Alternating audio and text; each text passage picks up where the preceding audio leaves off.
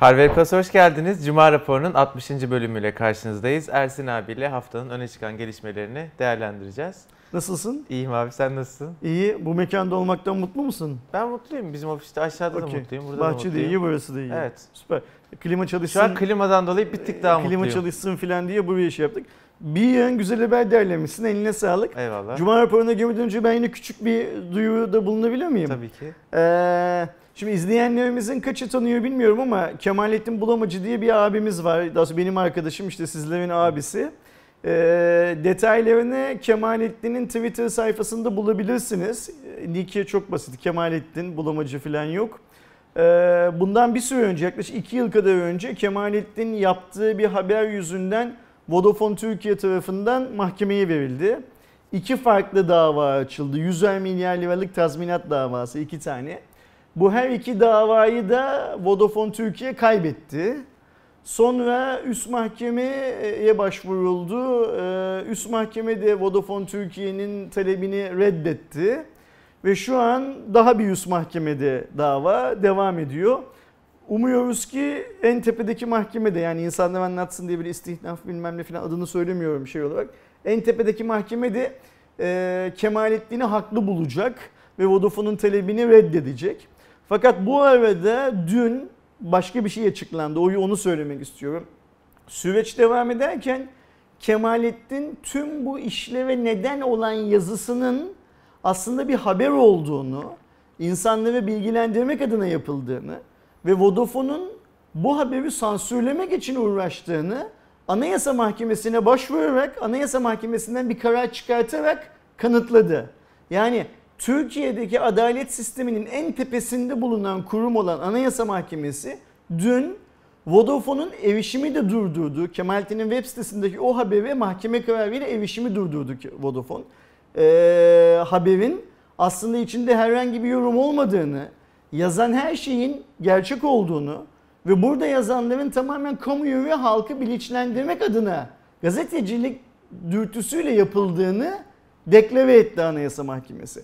Yani Vodafone'un sansürcü bir kurum olduğunu, Türkiye'deki yargının en başındaki kurum olan Anayasa Mahkemesi onaylamış oldu. Ve Vodafone'un sadece bir dilekçeyle başvurduğu suç ceza mahkemesinin yani bu URL'ye erişimi durduran mahkemenin yaptığının yanlış olduğunu, bu yanlışın da o mahkemeye ayrıca bir yazıyla bildirilmesini, bildireceğinin kararını aldı. Yayın yasağı da kalkmış Anayasa olacak. Mahkemesi. Yani Anayasa Mahkemesi bu yayın yasağını veren mahkemeye dedi ki dur bir saniye bu işler bu kadar kolay değil. Burada herhangi bir yorum, herhangi bir iftira, herhangi bir yalan yok.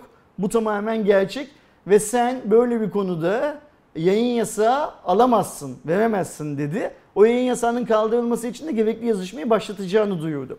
Şimdi bu bence Türkiye'deki yayıncılık, gazetecilik anlamında hele bu içinden geçtiğimiz zor dönemlerde yani sansürün bilmem nenin işte patron baskılarının şunun bunun falan konuşulduğu dönemde çok önemli bir gelişme. Yani Kemalettin'in çünkü şöyle bir şey var Anayasa Mahkemesi'ne gidip başvurup her şeyin görüşülmesini sağlayamıyorsun. Oraya çok hazırlıklı bir dosya vermen lazım. Anayasa Mahkemesi bunu kendisi karar almıyor. Dil bilimcilerden konu neyse mesela işte buradaki konu yazı olduğu için dil bilimcilerden belki gazeteci bilim kişilerinden ya da işte e, basın yayında eğitim veren profesör hocalardan filan görüşler istiyor konuyla ilgili. Yani herhangi bir konuyu Anayasa Mahkemesi'nde tartışılabilir hale getirmek bile zor Çok bir süreç. değil, aynen. Ve Kemalettin iki yıldır bu işle uğraşıyor. İstediği bu kararın daha erken çıkmasıydı ama zaten daha önce aleyhte bir karar olmadığı için çok dert değil.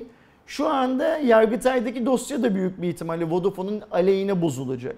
Benim burada söylemek istediğim şey şu. Bugüne kadar e, Kemalettin'e destek verme konusunda geride duran birçok kendine gazeteci diyen, bak teknoloji yayıncılarından bahsetmiyorum. Genel anlamda gazeteci diyen insan oldu. Birebir konuştuğunuz zaman da hep şunu söylediler bana. Çünkü ben bu işin en başından beri şunu söylüyorum. Biz topyekun bu konuda Kemalettin'i desteklemeliyiz. Velev ki Kemalettin'in yazdığı şey yanlış bile olsa yani mahkemeler Kemalettin aleyhine bile karar vermiş olsa biz Kemalettin'in yanında yer almalıyız. Yapılan yanlışı düzeltilmesi konusunda da eğer bir mahkeme bir yanlışa işaret ederse yapılan yanlışın düzeltilmesi konusunda da Kemalettin'e yine yardımcı olmalıyız nasıl düzeltilecekse. Vodafone'un yaptığı iki tane üst üste 100'er milyar liralık tazminat davası açmak. Bugün bir gazetecinin ortalama kaç lira para kazandığını herkes biliyor. Çoğu asgari ücretle çalışan Hayatını insanlar bitirmek bunlar. üzerine yapılmış Aynen öyle yani hayatını bitirmek gibi. üzerine. Evine, arabasına, karısının maaşına, işte çocuğunun okul taksidine bilmem ne filan filan e, icra koymak için yapılmış bir hamle bu Vodafone tarafından. O yüzden en başından beri diyorum ki destek olmamız lazım. Ben bunu söylediğim zaman abilerime, kardeşlerime, meslektaşlarıma, arkadaşlarıma, yakınlarıma hep böyle ama işte orada da bir İngiliz şirket var bilmem ne bu önemli değil diyorum. İşte bu İngiliz şirket sen ona kötü hizmet veriyor dersen gıkını çıkarmaz da vergi kaçırıyor dersen seni mahkemeye veriyor gerekiyorsa donunu alır diyenler oldu bana Kemalettin'in gıyabında. Arkadaşlar kimse kimsenin donunu o kadar kolay alamıyor. Adalet diye bir şey var. Biz safımızı belli etmek zorundayız. Sadece bir hafta sonu Çeşme'ye geziye gideceksin bilmem ne yapacaksın diye yüz yüze konuşurken aman Kemalettin şöyle iyi böyle iyi ıvır zıvır falan dediğin adamın arkasından ama orada Vodafone'u vergi kaçakçılığı suçlamasaydı demeyeceksin. Bak kendi meslektaşlarımıza söylüyorum bunu. Ve bence Bilişim Muhabirleri Derneği, Ekonomi Gazetecileri Derneği, işte atıyorum Magazin Muhabirleri Derneği, Gazeteciler Cemiyeti, işte bizim abilerimiz diyeceğimiz gazetelerde köşe yazan, ekonomi köşesi, ekonomiyle ilgili köşeler yazan insanlar, gazeteleri, televizyon kanallarındaki haber merkezi, bültenlerinin merkezini yöneten tüm yayın yönetmenleri bu Anayasa Mahkemesi'nin verdiği kararı gazeteciliği değer verdiklerini göstermek açısından haber yapmak zorundalar. Dün gece hiçbirisi yapmadı. Hiçbir televizyon kanalında bu haber olarak çıkmadı. Bugünkü gazetelerin hiçbirisinde bu haber olarak yok. Bastıra bastıra onlara da gazeteci olduklarını, yayıncı olduklarını, bugün Kemalettin'i mahkemeye veren Vodafone'un yarın onlardan da bir tanesini mahkemeye verebileceğini, öyle bir şey söz konusu zaman bizim yine onların yanında duracağımızı söyleyeceğiz. Ve o büyük haber merkezlerinin günlük yayınların hepsi öyle ya da böyle Kemalettin'in Anayasa Mahkemesi'nden aldırdığı bu kararı haber yapmak zorunda kalacaklar. Eğer yaptıkları işe karşı saygılıysalar, onurlu gazetecilik yapıyorlarsa ve okurlarına karşı bir sorumluluk hissediyorlarsa. Vodafone bize reklam veriyor bilmem ne filan filan deyip bunu görmemezlikten gelemeyecekler. Çünkü iki yıldır görmemezlikten geliyor herkes bu sorunu. Ee, bugüne kadar Kemalettin'in davasını sahiplenmeyen Ekonomi Gazetecileri Derneği, Bilişim Muhabirleri Derneği artık sahiplenmek zorunda. Herkes tarafını artık belli etmek zorunda. Çünkü Anayasa Mahkemesi'nin verdiği kararı rağmen eğer kulislerde Kemalettin'in olmadığı yerlerde ya da Vodafone'la yaptıkları yüz yüze görüşmelerde ya Kemalettin de çok doğru bir şey yapmadı filan demeye devam ederlerse bu tüm sektörün iki yüzlülüğü anlamına gelir. Yani biraz da iş işten geçtikten sonra artık. Yani Olsun. Anayasa Mahkemesi karar Olsun. vermiş De- çok de- net. bunu konuşmamız lazım ki iki gün sonra e, Vodafone gibi bir başka şirketin de ortaya çıkıp bak bugün Türkiye'deki en kolay şey internet mecrasındaki bir habere erişim engeli kararı aldırmak. Evet. Bir mahkemeye bir dilekçe veriyorsun ve mahkeme hemen o kararı alıyor. Ee, şeye bakmıyor, içeriye bakmıyor, ne olduğuna bakmıyor. Taleple alabiliyorlar. Yeni işte kanun gereği sadece bir taleple %90'ını mahkemelerin e, erişim engeli kararı veriyor. Bu kararı iptal ettirmekle yayıncının uğraşmaması gerekiyor. Herhangi bir marka e, bir yayıncıyı bazı raporlardan derlediği rakamları alt alta yazıyor diye 200 milyar liralık tazminat davası açmaması gerekiyor. Samsung Türkiye beni korkutmak için, beni tehdit etmek için noterden ihtarname çekemiyor olması lazım. LG Türkiye zamanında beni benim hakkımda savcılığa suç duyurusunda bulunamıyor olması lazım. Bunların hepsi biz sesimizi çıkartırsak olur. Biz sesimizi çıkartmazsak bunların hiçbir sorun. Ben hatırlıyorum vakti zamanında Türkiye'nin en büyük ISP'lerinden bir tanesinin genel müdürü bir sunum yaparken gazetecilerle ilgili kötü bir e, espri yaptı diye, espri diyelim. O salonda bulunan teknoloji yayıncılarının hepsi ayağa kalktılar ve salonu terk ettiler. Yutsan abi öldü diye, e, sektörde büyük abi kalmadı diye e, bu sektörde çalışan insanları hiçbir marka ezebileceğini düşünmemeli. Bilişim Muhabirleri Derneği üzerine düşeni yapmıyor olabilir. Bana sorarsan yapmıyor. Ee, Ekonomi Gazetecileri Derneği ilgilenmiyor olabilir, ilgilenmeli. Ekonomi Gazetecileri Derneği de, Ekonomi Muhabirleri Derneği de şey yapacak. Ekonomi Gazetecileri Derneği de ilgilenecek bu konuyla. Bilişim Muhabirleri Derneği de üzerine düşeni yapacak. Yok işte biz Vodafone'la sponsorluk anlaşması yaptık. Onlar bizim pikniğe sponsor olacaklar. Bizi hafta sonunda şeye götürecekler. Ee, Çeşme. ne derler? Çeşmeye götürecekler. Bizim nargile günümüz var. Oradaki nargilelerin parasını Vodafone ödüyor. Ya da biz e, iftar yapıyoruz. Ekonomi Gazetecileri Derneği olarak Vodafone'un oraya sponsor olma ihtimali var. Türk Telekom sponsor oluyor. Seneye de Vodafone sponsor oluyor filan gibi hesaplarla, küçük hesaplarla yayıncılık mesleğinin ileriye gitmesi mümkün değil bizlerin ve onların yani Kemalettin'e destek vermeyenin özgür yayıncılık yapabilme şansları yok bu şartlar altında. Baş kaldıracaklar, karşı çıkacaklar ki iki gün sonra bu şeylerden bahsediyorum. Büyük televizyon kanallarından ve gazetelerde çalışan abilerimizden bahsediyorum. Yayın yönetmenlerinden bahsediyorum. Herhangi bir sebeple işsiz kalırlarsa biz de onların arkasında durup şu haberi yaptığı için, patronun işine gelmediği için işsiz kaldı bu adamlar diyebilirim. Bence bu haftanın benim açımdan Cuma raporundaki en önemli konusu Anayasa Mahkemesi'nin Vodafone'u sansürcü olarak işaretlemesidir, teklemesidir. Sosyal medyada böyle teklemesidir Anayasa Mahkemesi'nin. E, sansüre karşı duracağız. Hiç kimsenin yayıncılara hangi isim altında olursa olsun sansür yapmasını, otosansür uygulamak zorunda kalmalarını yayıncılarının ya da patronun sansür uygulamasını engelleyeceğiz. Böyle bir dünya yok. Buyurun Kemal Bey söz sizde. Arkadaşlar bir saatlik bir cuma raporuna hazır olun girişimiz böyleyse ki bizim bu haftaki cuma raporunda gerçekten çok üstüne muhabbet etmemiz gereken haberler de var. İlki zaten daha dün itibariyle yürürlüğe giren e, dijital yayın servislerinin rüteye bağlanması biliyorsunuz. Tabii ki biz en çok hani Netflix kullandığımız için Netflix'ten bahsediyoruz ama bunun içinde Blue TV, Puhu TV ve yani bir sürü sayabileceğim dijital yayın servisleri de var. Ne oldu? Bundan böyle Rütük ki bu haberin düşmesinin hemen ardından Rütük üyesi şöyle bir açıklama da yaptı. Artık internet yayınlarında sigara dumanı çiçeklenecek ve şarap yerine fermente üzüm suyu denilmek zorunda kalacak. Yani genel olarak Rütük kuralları, Rütük'ün televizyonda gördüğümüz sansürleri televizyon şeyde internette de geliyor. Ben e, dünyada box office rekorları kırmış filmin başrol oyuncusuyum. Jönüyüm yani. Sen de esas, Fermente üzüm esas kızısın. abi sen. Bir şekilde seni kafalıyorum, eve götürüyorum. Evden içeriye giriyoruz ve sana şey diyorum değil mi? Kerem bir fermente üzüm suyu içelim mi? Ben hemen soyunmaya başlıyorum bundan etkilenip.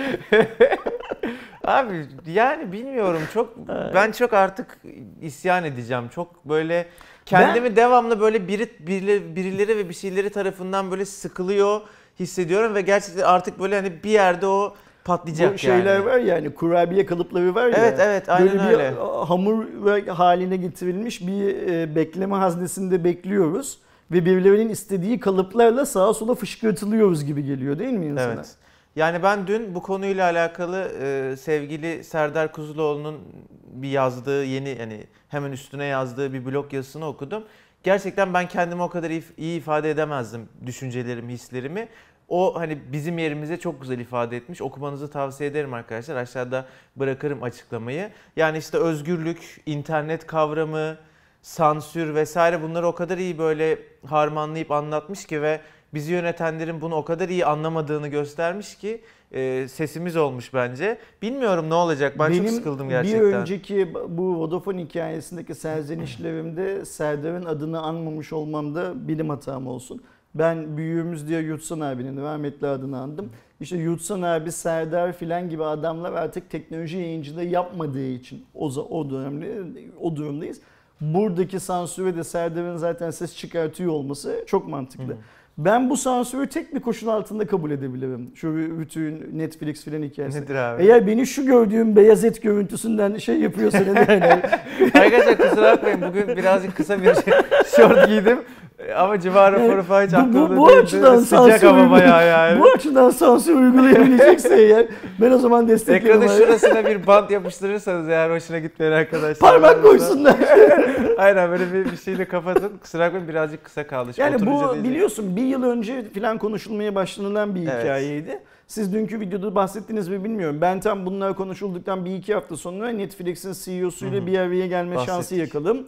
Ee, ve orada adama açık açık sorulduğu zaman adam çok net çünkü para kazanması lazım. Dedi ki biz dedi ülkelerin bize de yapacağı dayatmada ve uyumaya çalışıyoruz dedi. Yani Türkiye'den çıkarız bilmem ne filan demedi. Ancak ne olursa olsun bu bir sansürdür. Bak mesela dünden beri zaten Netflix aboneliğimi iptal ettirdim. Daha sen Netflix hiçbir açıklama yapmadan aboneliğimi iptal ettirdim Ama Netflix şeyleri geliyor. hayır diyemez ki zaten Yok yani. diyemez ya o zaman Türkiye pazarından çıkacak Hani ve diyecek ki insanlara yani. VPN'le şununla bununla filan bağlanın. Biz size işte Yunanistan üzerinden şöyle bir fiyat belirledik Türklere filan filan gibi şeyler yapacak. Ve Türk Ülkede hükümeti, herkes cyberpunk oldu anasını Türk, satayım Türk, Türk ya. hükümetiyle işi daha da girift bir hale getirecek. Hatırlarsan YouTube e, yasakları zamanında YouTube bile kalkıp insanların nasıl YouTube videoları izleneceklerini anlatmaktan geri durdu. Böyle bir şey yapmadı. Evet. Ama sağ olsun o zamanki Cumhurbaşkanı Başbakan zaten o işin de bir yolu var. Şöyle şöyle insanlar bağlanıp izliyor diye halka aydınlattılar. Yani yasak koymalarına yasaklayıp rağmen bunu e, halka yani. aydınlattılar. Bu Rütük kararı çok garip tabii. Bir de şöyle bir şey var. Yasa tasarısında bizim bundan epey bir süre önce konuşulduğu zaman ilk konuştuğumuzda işin bir de YouTube kanalları boyutu var. Ve ben bekliyorum ki önümüzdeki bir iki hafta içinde bir de o paket de açılsın. Bir de şahsen yayın yapan insanların da bir, bir- belki dijital lisans almaları falan gerekiyor gibi de bir konu dönüyor ama o çok Sonra makul işte bir şey değil. buradan Rütü'ye bir pay ödemek gerekiyor. Yani Netflix'in şey yani hem abone sayısını açıklamak zorunda biliyorsun şimdi bunlar şirketin gizli bilgisi ve Netflix bir Amerikan şirketi. Orada borsayı açık. Orada bile ülke bazındaki abone sayısını açıklamıyor benim bildiğim kadarıyla. Toplam globali açıklıyor ama şimdi eğer bu kanuna uymak zorunda kalırsa Türkiye'de kaç tane abonesi olduğunu açıklamak zorunda. Yani açıklamak dediğim Rütü'ye bildirmek zorunda.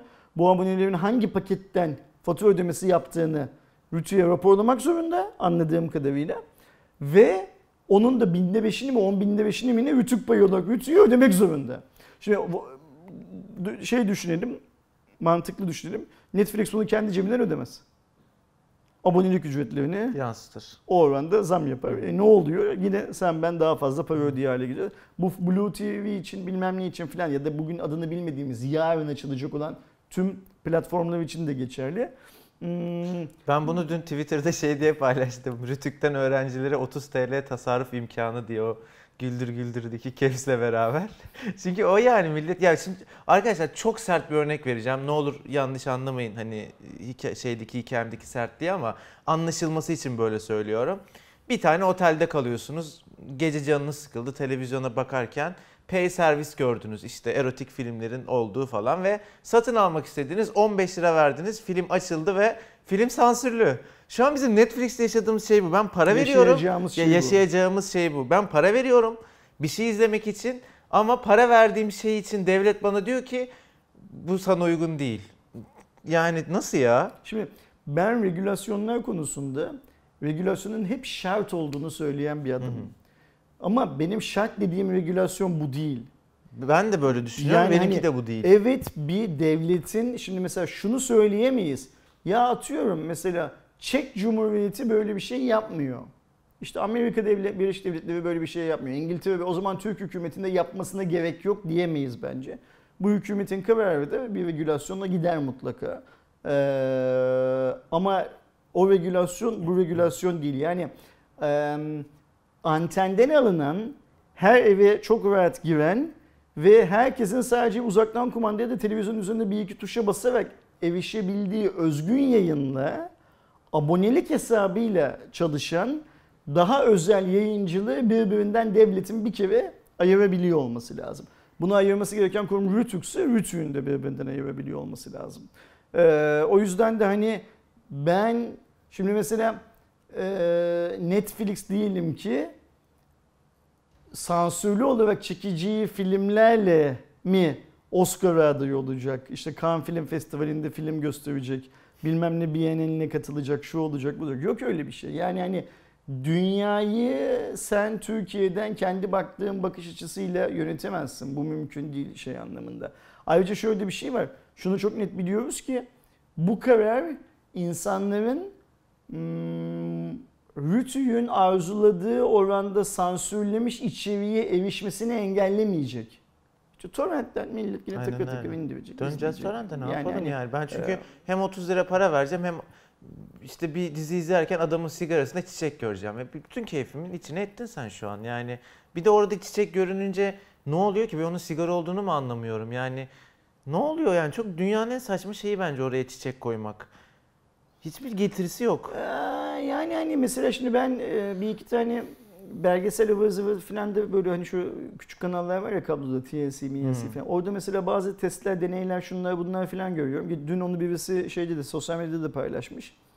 Bir işte merminin bardağın içinden geçiş hızı Hı hı. ne hesaplıyor belgeselde. Ee, amaç şey işte hani boş havada uçarken hangi hızla bardağa çarpıp öbür tarafından çıktığı zaman hangi hızla devam edecek filan. Bardakta bira var diyor orası blurleniyor.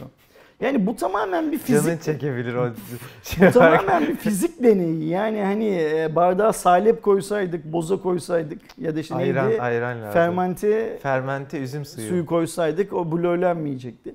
Yani burada bir fizik kanunu anlatıyor. Adam bira koymuş. Sen de yap aynı belgesel. Sen de ayran koy Türk olarak. Yani o çok ya o kadar değil. küçük şeylerde boğuluyoruz ki gerçekten çok sıkıldım ya. Devam ediyorum. Devam et. Bu konuyu çok konuşuyoruz. Bu konuyu bence YouTube kanalları ile ilgili kısmı açıklandığı zaman daha çok konuşacağız Evet. zaten.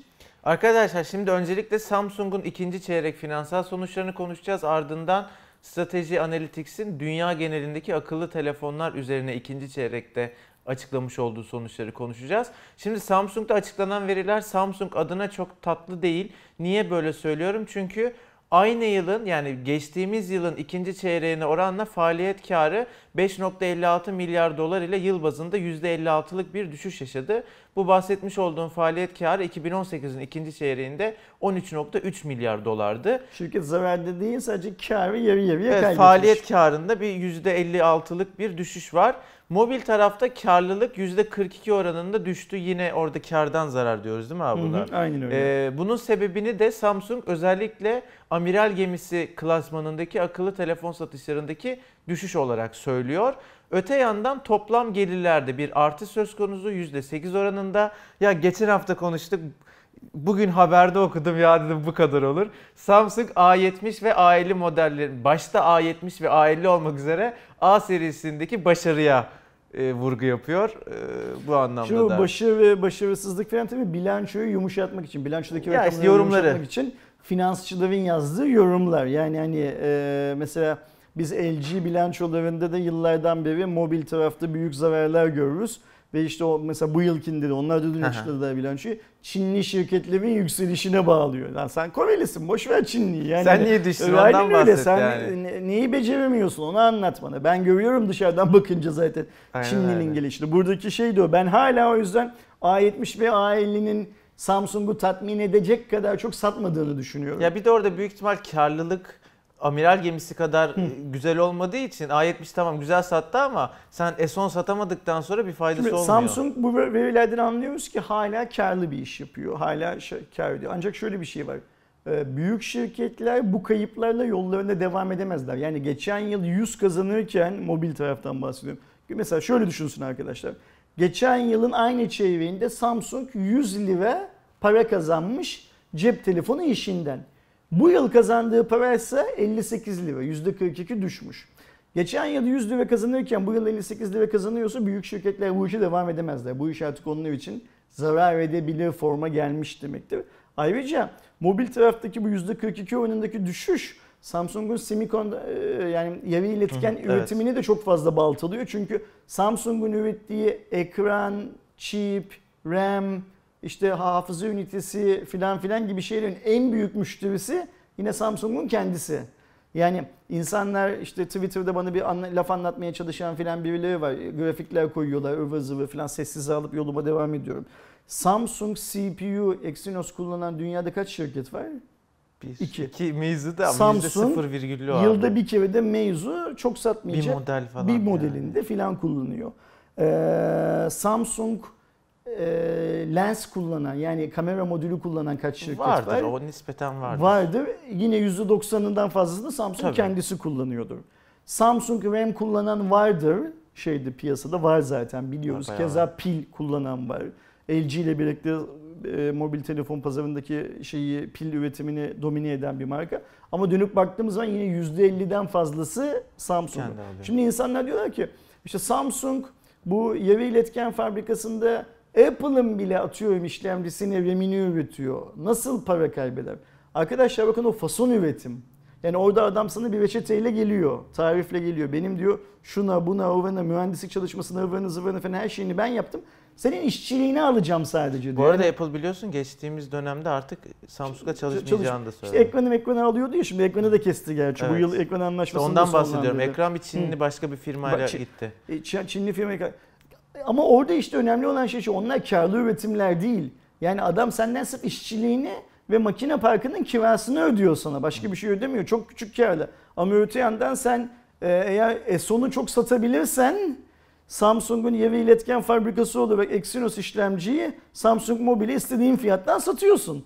Zaten o yüzden hani bu işte Samsung niye dünyanın bir kısmında kendi işlemcisini bir kısmında Qualcomm'u kullanıyor. Şirket olarak, holding olarak optimum karlılığa ulaşabilmek için yani Qualcomm'a para kazandırmaktansa o parayı kendisi kazansın diye yapıyor. Ve bu rakamlar Samsung için bu çevrenin çok kötü geçtiğini gösteriyor bana. Evet. Demek ki yanlış sadece Türkiye'de değil yanlış dünyada da var. Ama tabii en büyük sorun şu ki biz artık 3 yıldır 4 yıldır Apple için söylediğimiz yeni bir şey yok ki Samsung için de söyleverle geldik. Esas sorun bu yeni bir şey yok. Bizim yeni bir şeye ihtiyacımız var, heyecana ihtiyacımız var. İşte o foldable'la o heyecan geliyor gibiydi ama Samsung o çocuğu doğuramadı ne yazık ki. Şimdi doğsa da büyük bir ihtimalle. Valla bu telefon şimdi gerçekten Samsung özelinde söylemiyorum. O telefon %100 sorunsuz çıksaydı da bence hiçbir etkisi olmayacaktı ya. Bir iki yıl sonrası için iyi bir, iyi yani. bir yatırım olabilirdi sektör Ha yani için. sonraki modelleri için evet ama ilk haliyle değil yani en azından onu söyleyebilirim. Şimdi arkadaşlar bence çok gerçekten içerisinde önemli verilerin olduğu bir haber. St- Strateji Analytics biliyorsunuz dünyanın en büyük e, veri şirketlerinden biridir, analiz şirketlerinden biridir. Her çeyrek global akıllı telefon satışları ve pazar payları ile ilgili verilerini açıklar.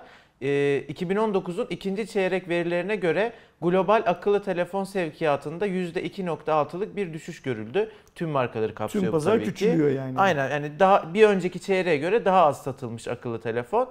İlginç olan nokta ne? Şimdi Samsung biliyorsunuz pazar lideri. Bu pazar liderliğini devam ettiriyor. %1.9'luk bir artışla pazar payını %22.3'e çıkartmış. Benim şaşırdığım nokta Huawei'nin yasaklar, onlar bunlar falan derken pazar payını %1.7 arttırarak %17,2'ye çıkması ve Samsung'la arasındaki fark %5 falan değil mi? 7, 8, 9, 10 aynen. Yani %5'e kadar falan indi.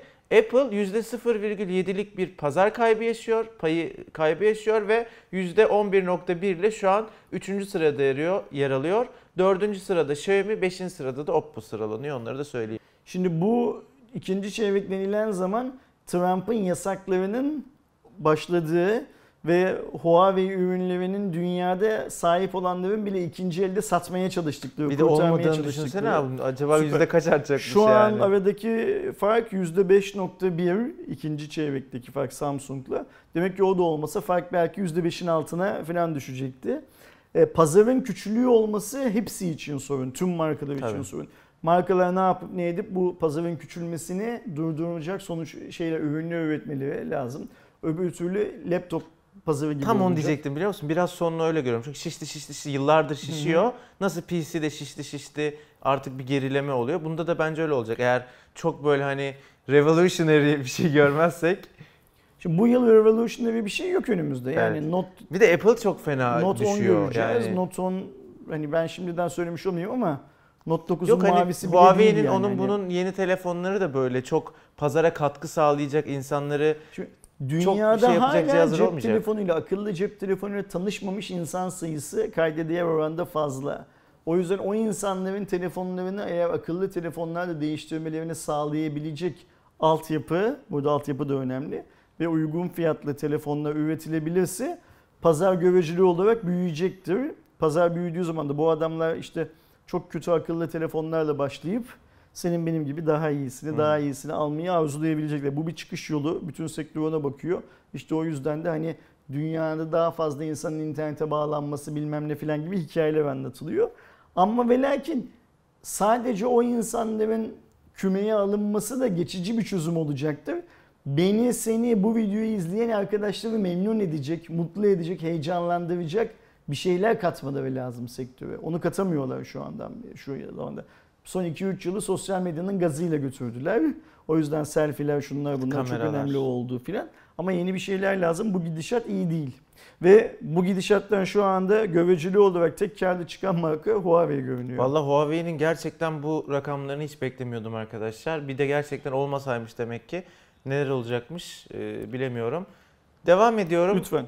Arkadaşlar son dönemde ağzımız yüzümüz abonelik servisleriyle doldu. Herkes bir abonelik servisi çıkartıyor. İşte Netflix, Spotify, e, YouTube Premium ve YouTube Müzik geldi biliyorsunuz. Şimdi de ortaya çıkan ekran görüntülerine göre henüz resmi bir durum yok. E, Google, Google Pass daha doğrusu Play Pass isminde e, Android kullanıcılarına hitap edecek. Google Play Store'daki uygulamalarda size reklam göstermeyecek. Uygulama içi satın almaları satın almanıza gerek kalmadan kullanabileceğiniz ve işte normalde ücretli olan uygulamaları abonelik içerisinde ücretsiz olarak kullanabileceğiniz bir servis üzerinde çalışıyor. Ortaya çıkan ekran görüntülerinden anladığımız kadarıyla 10 günlük bir deneme süresi olacak. Ücretsiz kullanıcılara verilecek ve eğer siz 10 günlük deneme süresinin sonunda bu aboneliğe sahip olmak isterseniz 4.99 dolar ödeyerek aylık abonelik gerçekleştirmeniz gerekecek. Bir nevi YouTube şey Google YouTube Premium'u e, Google şey ya Android Pre- Premium gibi Android bir şey Premium yani. gibi bir şey yapıyor.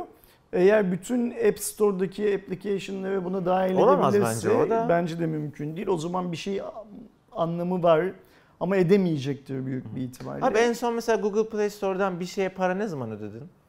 Çok oluyor. O ilk şeylerde acemilik Ben de çok uzun zamandır ödemiyordum. İki gün önce bir, bir app'e ihtiyacım vardı ve hoşuma giden bir app'ti. Aldım 6 liraya mı 7 liraya mı ne ama hani o çok yeni olan bir şey. Onun öncesini sorsam mesela hatırlamıyorum. Ben de hatırlıyorum. Bence bu çok e, yani Android Play Store çok insanların devamlı para harcadığı bir yer değil bence. Mesela App Store, Apple Store öyle. Hani kullanan insanlardan biliyorum. O yüzden bunun çok böyle tutacağını zannetmiyorum şu etapta. Yani 4.99'u ülke bazında çeşitlendirirlerse mesela Türkiye'de bunu 2 lira yaparlarsa Ha, ben düşünebilirim okey. o zaman ki ben biliyorsun abonelik sistemine tamamen karşı Ha bir 5 adamım. lira yapsa bile iyi. Yok işte Doları yani, çevirmiyor adam yani. 2 lira yaparsa ben bunu düşünebilirim mesela. Sırf şeyden düşünebilirim. Yani hani e, burada bir aboneliğim olsun. İşte bir yığın bugüne kadar denemediğim app'i fırsat Hmm. buldukça deneyeyim bilmem ne yapayım falan diye düşünebilirim. Ama gelip bana 4.99 aylık dayarsa işte 5 dolar ayda yılda 60 dolar yapar. Ben yılda 60 dolara onu vereceğime yaz Yani tatilinde... 30 lira falan yapıyor abi aylık. Ha? Çok para yani. Evet yaz tatilinde bir öğün yemek fazla yerim yani kaliteli yemekten bahsediyorum. Ya ben de anda. ve gerçekten Android böyle aa ne güzel alalım dedirtecek kadar güzel uygulamalar sunmuyor. Bir de hani zaten ne zaman ihtiyacınız oluyor bir uygulama satın almaya? Olduğu zaman da veriyorsun bir kere hep senin oluyor. Hani bir daha her ay her ay para ödemene gerek kalmıyor. Ee, Mediatek tarafında bu hafta önemli yenilikler var. G90 ve G90T isimli yeni işlemcilerini tanıttılar. İlk defa G takılı bir işlemci görüyoruz Mediatek'ten. Tahmin edebileceğiniz üzere gaming Hı hı. e, ifadesi var. Yani oyun odaklı işlemciler. Her iki işlemci de oyun odaklı ve 12 nanometrelik FinFET üretim süreciyle üretildiler. 8 çekirdekli bir yapıdalar ve 2.5 2.05 GHz'lik bir saat hızında çalışıyorlar. İşlemcinin yanında Mali G76 GPU geliyor. Yeni işlemcide 10 GB'a kadar LPDDR4X e, bellek desteği yer alıyor. E, yeni işlemcilerin MediaTek tarafında açıklanan en önemli yeniliği Hyper Engine adı verilen ve oyunlarda daha hem görüntüyü etkileyen hem de performansı etkileyen özellik olduğu belirtiliyor. Ben Mediatek'in sitesine girdim. Adamların verdiği infografik PDF'lerini indirdim. G90 ile 90T arasında tam olarak nasıl fark olduğunu bulamadım. Grafiklere rağmen bulundum. Yok yok yani. Hayır hep G90 series diye anlatmışlar. Hı. Bir ayrım yapmamışlar. Büyük ihtimal işlemci hızı, saat hızı falan farklı ama yok bulamadım Şimdi arkadaşlar biz yani. Mediatek'in yaptığı birçok şeyi beğenmiyoruz. Yani yeterli Evet. bulmuyoruz falan. Ama aslında Mediatek bu sektöre çok lazım bir şirket. O yüzden keşke Mediatek bir yerde hani bu kötü talihini kırsa da düzelse diyorum ben hep. Bu G90 ve G90T de inşallah orasıdır. Yani hani İnşallah. e, buradan dön- dönsün Mediatek artık. Çünkü biz e, işlemci pazarında da dominasyona maruz kalıyoruz. Yani tek bir marka istediği fiyat, istediği teknoloji gibi şeyler var. Qualcomm'dan bahsediyorum. E, rakip lazım, kuvvetli rakip lazım. Evet. Niye Mediatek olmasın? E, yani ben hani iyiydi, kötüydü filan şey. Ben şunu biliyorum. Biz herhangi bir ön incelemede bu cihazda Mediatek işlemci var dediğimiz anda o videolar kapanıyor. Evet. Sırf bizim değil. Tüm dünyada bu böyle. Evet, öyle. Ama- Medyadaki duyunca kapattım oluyor. Aynen öyle. Yok zaten şeyden de görüyorsun. Yani videonun izlenme oranına Hmm. bakıyorsun. Bir yerde böyle muazzam bir şey var. Düşüş var. O saniyeyle gidiyorsun. Tam orada işte sen Aydoğan birisi atıyorum Ahmet Mehmet filan şey diyor. E, Mediatek işlemci var diye. İnsanlar haklı olarak izlemiyorlar. E, inşallah Mediatek daha fazla, daha iyi, daha güzel bir şeyler yapar. İnsanlara bu bu cihazda Mediatek işlemci var dedikten sonra konuya il, konuyla ilgili halde kalmalarını Evet. sağlar. Çünkü bizim Mediatek'e ihtiyacımız var. Bakalım bu işlemciyi önümüzdeki dönemde arkadaşlar göreceğiz zaten. Daha doğrusu bu işlemciyi kullanan akıllı telefonlarda göreceğiz. Son haberimiz siz bu haberi dinlemeden, biz daha doğrusu bu videoyu yayınlamadan önce bu cihazı kanalımızda görmüş olabilirsiniz. Huawei Y9 Prime 2019 bu ay içerisinde, Ağustos ayı içerisinde Türkiye'de satılacak arkadaşlar. Henüz resmi bir fiyat bilgisi yok. Benim aldığım duyumu söyleyeyim tırnak içinde 3000 liranın altında olacak. Ee, ama hani 2999 mu atıyorum 2,5 mu vallahi onu bilmiyorum. Ee, Huawei Y9 Prime 2019 şirketin bugüne kadar ürettiği ilk tam ekran ve pop-up dediğimiz açılır kapanır ön kamera sistemine sahip akıllı telefon arkadaşlar. 6.59 inç boyutlu tam ekran çerçevesiz çentiksiz bir ekran tasarımı var. Kirin 710F kullanıyor. 710'un biraz daha hızlandırılmış, yenilenmiş versiyonu. Ana mimarisi aynı olsa bile e, 4 GB RAM, 64 GB depolama alanı gibi özelliklerle birlikte geliyor. Bu 710 Bu en- F. değil mi? Evet, F. Okey. En Ee, ucuz açılır kapanır telefon olacak Türkiye'de. Dünya bazında değil, Türkiye bazında konuşuyorum. Huawei bu tarz cihazları satmayı seviyor. Bunları böyle allıyor, pulluyor, güzel reklam, iyi müzik, ıvır zıvır falan gibi şeylerle gazlıyor. Türk milleti de zaten işte reklamı güzel olsun, işte müziği akılda kalsın filan diye e, şey yapıyor, gidiyor. Ee, ben hep cidden kafamda hani niye Huawei bu şeye girmiyor? Hani açılır kapatılır kamera hikayesi. Çünkü hani Çinliler Aldı Orada gidiyorlar o yoldan. Bu da Çinli en nihayetinde. Hani komşu yan apartmanda oturuyor. Bu niye girmiyor filan diye düşünüyordum. Huawei'de Y9 Prime'da girdi. Fiyatı bilmeden telefonla ilgili e, çok fazla bir şey söylemek istemiyorum. 3 3000'in altı da 3000 Kaç ne altı? kadar altı? 1000 de altı yani? atıyorum, 2000 de altı şey yani. olarak. Fakat şöyle bir şey var. Bence 4 4'e 64'lük modelini Türkiye'ye getirerek isabet etmişler. Yani bu tarz cihazlarda böyle hem 4'e 64 hem 6'ya 128 falan gibi opsiyonlara girmek Türkiye için şey oluyor, zor oluyor. İnsanların fiyat kıyaslaması yapmasını da güçleştiriyor şey anlamında. Ee, Pop-up kameranın e, eyvallah güzel. Fiyat da iyi olursa bu telefon yürür. Zaten anladığımız kadarıyla şu benim beğenmediğim P Smart 2019'da Huawei epey bir yürümüş gitmiş şey anlamında. Ee, satış anlamında Türkiye'de. Güzel yürüsünler gitsinler. Bu da inşallah onlar için şey olsun. e, faydalı bir cihaz olsun. Ama bir rakamı görelim. Yani hani biz bu telefonu Ağustos ayında Türkiye'de satışa çıkartacağız diye basın bülteni göndermek ya da işte mesela telefonu bize bugün gönderiyorlar. Bize değil tüm kanalları da bugün gönderiyorlar. Fiyat bilgisi olmadan telefonu göndermek bence bunlar biraz şey. Bu yine iyi. Hmm. Bunda sadece satışa çıkacağını söylüyor. Ben şöyle bülten gördüm daha iki ay önce. Ee, söyleyeyim Honor'un bir şeyiydi. Söyledim onu böyle olmaz diye. Fiyat performans şampiyonu bilmem ne satışa çıkıyor. Bültende fiyat yok. Fiyat yok değil mi? Yani neye göre şampiyon ki hani fiyat yok. İşte bunlar güzel yöntemler değil. Yani şimdi Evet. mesela bu Huawei'nin pazarlama tarafında belli ki bir genius çalışıyor. Onların anlayacağı şekilde söyleyeyim. De biz bu numaraları yiyecek kadar dünkü çocuk değiliz. Yani bu numaraları yiyen yayıncı çıkıyordur tabii ki piyasada. O senin söylediğin fiyat performans hikayesi de dahil olmak üzere. Daha dürüst olsunlar. Yayıncıya karşı da daha dürüst olsunlar. Ve hani eee gönderdikleri basın bülteninde eğer Ağustos ayı içerisinde telefon satılacaksa ki basın bülteni iki gün önce Onun gelip fiyatı bellidir zaten. Aynı işte onu söylüyorum. Basın bülteni iki gün önce gelip bize bugün test örneği geliyorsa fiyat çoktan bellidir. bellidir. O zaman arkadaşlar basın bültenine fiyatı yazacaksınız ki yazmıyorsanız 2999 liradır bunun fiyatı. O zaman ben giydiririm bu telefonu. Bu kadar basit yani. Ama iki şey buçuk da olabilir işte. Ha yani o zaman iki buçuk yaz Fiyat üstünden konuşalım. Yani Evet. şimdi ben sen teknik özellikleri okumaktan başka yorum yapamıyorum şu anda bu cihazla ilgili. Evet. Biz bugün eğer kutu açılışını yayınladıysak yani cihaz biz seninle bu video çekelim geldiyse ve Aydoğan o işi hallettiyse, hallediyorsa ya da seninle birlikte falan yapıyor her neyse yine fiyat bilmeden kutuyu açıyor Evet. olacağız. Yani ben burada şey seziyorum. Ee, Huawei tarafında bir tilkilik seziyorum Huawei, Huawei Türkiye tarafında. Ya biz fiyata girmeyelim bunu gönderelim millet bir allasın pullasın seedingimizi yapalım fiyata sonra çaktırmadan duyururuz zaten de onu yiyecek adamlar yok bu sektörde yapmasınlar iyi bir şey değil. Arkadaşlar Cuma raporunun 60. bölümü bu şekildeydi. Konuştuğumuz konularla alakalı yorumlarınızı lütfen aşağıda yazmayı eksik etmeyin. Hep unutuyorum şimdi aklıma geldi. Arda hatırlatıyor. Bizim Facebook'ta Facebook kullananlar için söylüyorum. Bir HVP muhabbet grubumuz var. İsterseniz o e, gruba da üye olarak bizle genel goy goy teknoloji hakkında sohbet vesaire orada edebilirsiniz. Şimdi Facebook'ta bir de HVP, Hardware Plus diye bir grup var. Grup değil o bizim Ha, sayfamız, var. sayfamız var. Pardon özür dilerim bir sayfamız var. Biz Hardware Plus sayfasında web sitesinde yaptığımız haberleri işte YouTube videolarımızı falan duyurularını yapıyoruz sadece.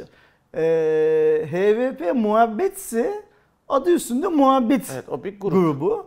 Ee, ve orada daha çok iletişimde olmak istiyoruz. İnsanların itirazlarını, görüşlerini, fikirlerini bizim sayfada değil de HVP muhabbette daha çok duymak istiyoruz. Yani atıyorum mesela şimdi siz eğer bizim eee, biraz önceki Huawei Y9 Prime 2019'da ilgili yorumumuzu beğenmediyseniz ya da beğendiyseniz yorumumuzla ilgili bir yorumunuz, söyleyecek bir şeyiniz varsa bunu HVP muhabbette gelin söyleyin.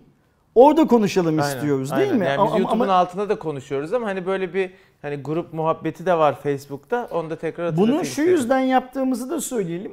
Biz tek başına YouTube'a bağlı olmak istemiyoruz. YouTube geçmişte kapandı. Yarın işte A, B, C, YouTube Şey de söyleyeyim Instagram hesabımızı da takip edin lütfen. Twitter'da takip Biz edin. mümkün olduğu kadar çok farklı platformdan insanları bulalım. Mesela bana bazı arkadaşlar diyorlar ki işte bu buraya gelip gittikleri çok samimi Hı hı. olduğum an. Abi niye bu kadar dallandırıp budaklandırıyorsunuz işi? Mesela ben zaten sen senin te- WhatsApp'ında varım yani telefon numaram var bende. Niye bir daha Telegram grubunda mesela Telegram'da da bir grup kurduk. Niye orada bilmem ne yapıyorsunuz diyor. Buradaki amaç şu. Aynı insana 15 farklı yerden ulaşmak değil. Herkese 15 farklı yerden ulaşmak. Çünkü eğer bir gün yine YouTube yasaklanırsa işte Rütük bilmem nesi yüzünden bilmem ne olursa WhatsApp çalışmazsa, Telegram çalışmazsa Instagram var diyelim. Ya bir de Facebook platformun işleyişi başka. Bizim o platformlarda paylaştığımız e, dil başka vesaire. Hepsi Biz hiçbirimiz yani. artık Facebook eskisi kadar kullanmıyoruz. Ama HVP muhabbeti gittik Facebook'ta açtık. Niye? Çünkü Facebook'un ruhuna uygundu orası. Evet. O yüzden takip etsinler. Mümkün olduğu kadar çok takip etsinler lütfen. Arkadaşlar haftaya görüşmek dileğiyle. Kendinize iyi bakın. Hoşçakalın.